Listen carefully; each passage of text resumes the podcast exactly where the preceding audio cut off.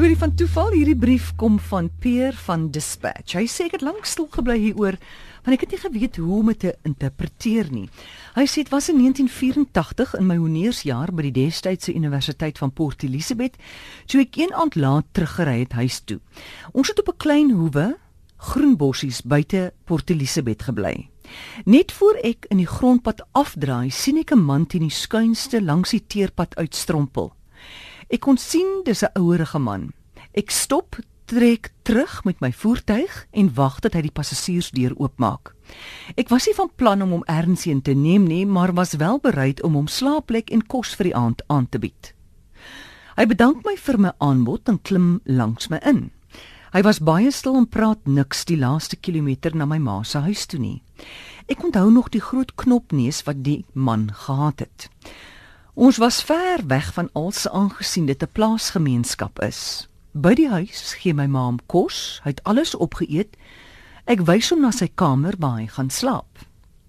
Hy gaan sit op die bed en trek die beddegoed effens af en ek wens hom 'n goeie nagrus toe. Ek was vroeg die volgende oggend wakker en so nuuskierig om te kyk of my gas darm 'n goeie nagrus gehad het.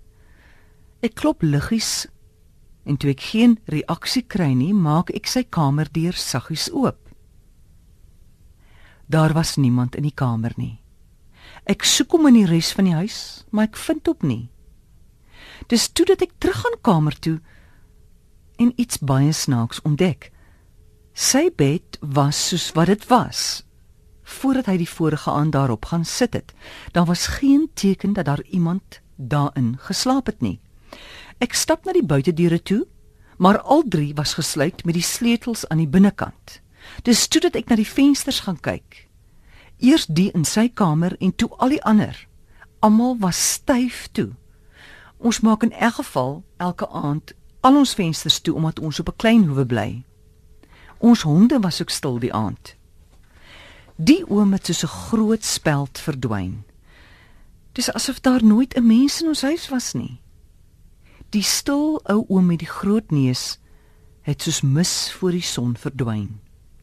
Die storie het my godsbegrip beïnvloed tot vandag toe nog. Miskien is daai Bybelvers reg wat sê dat ons engele gaan huisves sonder dat ons dit weet. Die enigste verskil is net ek dink ek het dit geweet.